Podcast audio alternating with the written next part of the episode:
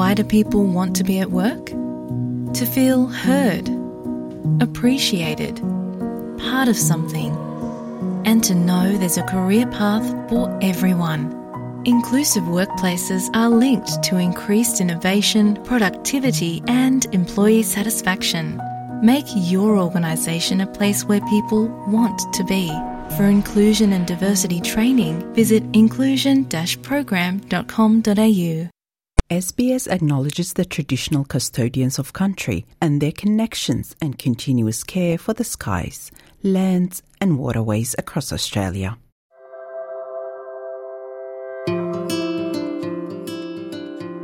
You're listening to Australia Explained, an SBS audio podcast helping you navigate life in Australia.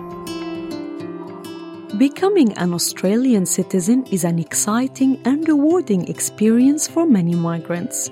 But to achieve citizenship, you must first pass the Australian citizenship test.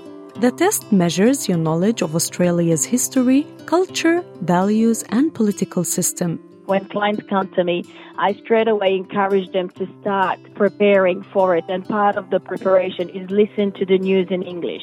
I'm your host, Maram Ismail, and in this episode, we'll provide you with some tips and expert advice to help you prepare for the Australian citizenship test.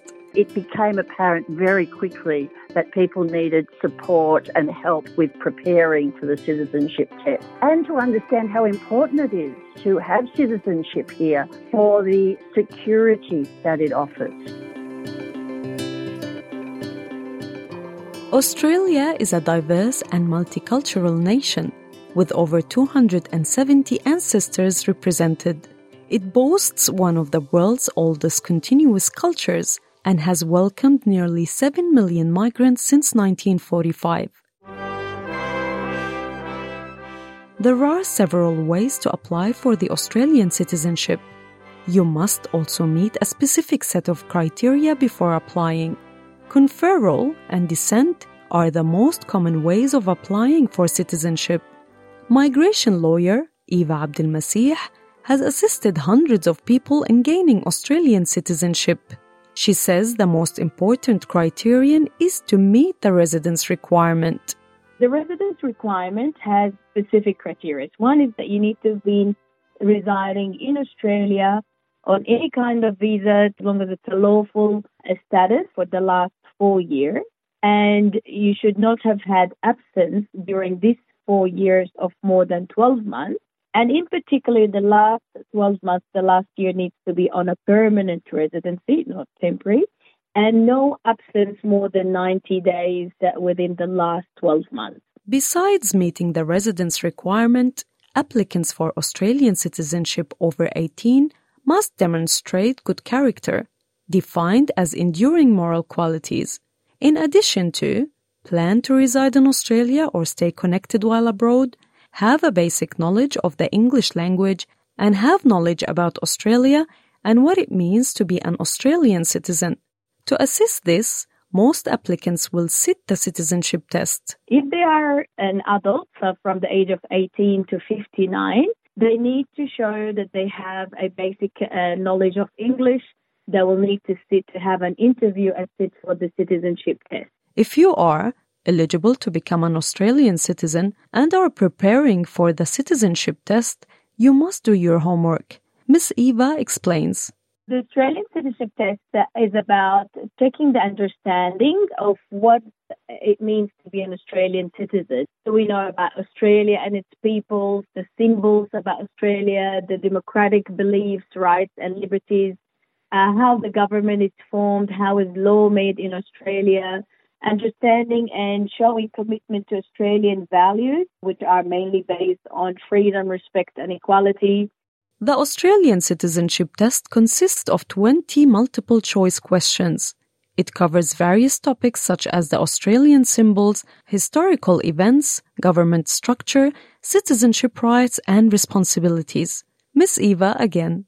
Five of these 20 multiple choice questions are based on Australian values and you're not allowed to have any mistakes in any of them. So the, the pass mark for the test is 75%, which means it allows for some mistakes. But in the section about Australian values, no mistakes are allowed. If you lose one uh, question or if you fail on one question, that means you fail the whole test.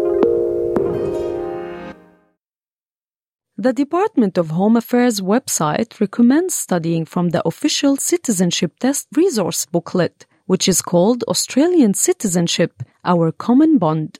The booklet is available in 40 languages, and you can also listen to the content through a podcast link provided on the website. Australian Citizenship Our Common Bond. Episode 1 Introduction. All the information needed for the test is in the Our Common Bond booklet. You must understand it thoroughly and take notes to help you memorize it. You can also take an online practice test on one of the many websites offering free citizenship test practice that simulates the actual test. Miss Eva says many phone applications can be more accessible and easier to navigate than accessing website links from computers these phone apps, I find them very helpful. I always encourage my clients to download them and do them, you know, every night, just spend half an hour, an hour. There's also, like on YouTube, there is videos about it. The citizenship test will quiz you on significant Australian events, and it often includes the contributions of Indigenous and multicultural Australians. The test is only available in English, so you must understand the language well you can practice reading and familiarize yourself with the essential vocabulary to help you understand the questions. When clients come to me, I straight away encourage them to start preparing for it. And part of the preparation is listen to the news in English, read newspapers in English, do the, the practice test at least once a week. Because when we lodge today, they don't get the test straight away. There is a good gap of six to nine months. Ms. Eva also shares some common mistakes or pitfalls that applicants should avoid while sitting the test. She advises applicants to read questions carefully, stay within time limits, and avoid rushing to click the answer. We're given an option to do the test three times, but after the third time, there is no option. It will be refused, and then we'll have to apply a fresh application. If you need assistance navigating the study material on the Department of Home Affairs website, and help improving your English, you can contact one of the many local community organizations for help. For example, Sydwest Multicultural Services in New South Wales and Southern Migrant and Refugee Centre in Victoria offer citizenship test preparation classes and resources to help aspiring citizens prepare for the test. These organizations often have experienced instructors who can provide guidance and support throughout the process.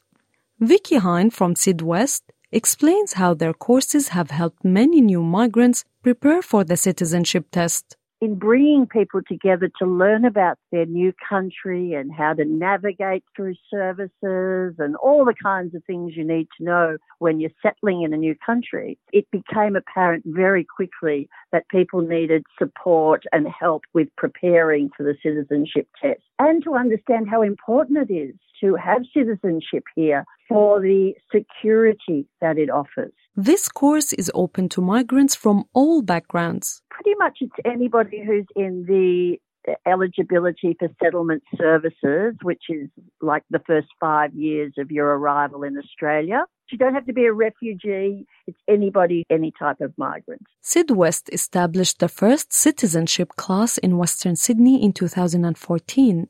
Since then, Ms. Hines says that hundreds of clients have successfully passed their tests and got citizenship certificates.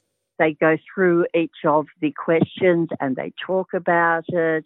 They would learn some history. We also go on social outings as groups, explain the layout of the land. You know, we might go up to Katoomba and at the same time talk about the history of Australia being opened up by explorers it's working your way through all the questions, fully understanding them, so that you fully understand what it means to participate as an Australian citizen. Beyond memorizing facts and figures, embracing Australian culture will enhance your understanding of the nation and its values. join social groups like the type that we coordinate. You get to speak to other people from different countries, different languages, and you're all practicing your English together in a casual social setting. You know, it's about the barbecue, the picnic, learning about the, the flora and the fauna that might be in that park. If you found this information helpful, please share it with others who may also be embarking on their citizenship journey. Thank you for listening to this episode of Australia Explained, written, produced, and hosted by me, Maram Ismail. Australia Explained managing editor is Rosa Germian. Until next time. This was an SBS audio podcast. For more Australia Explained stories, visit sbs.com.au slash Australia Explained.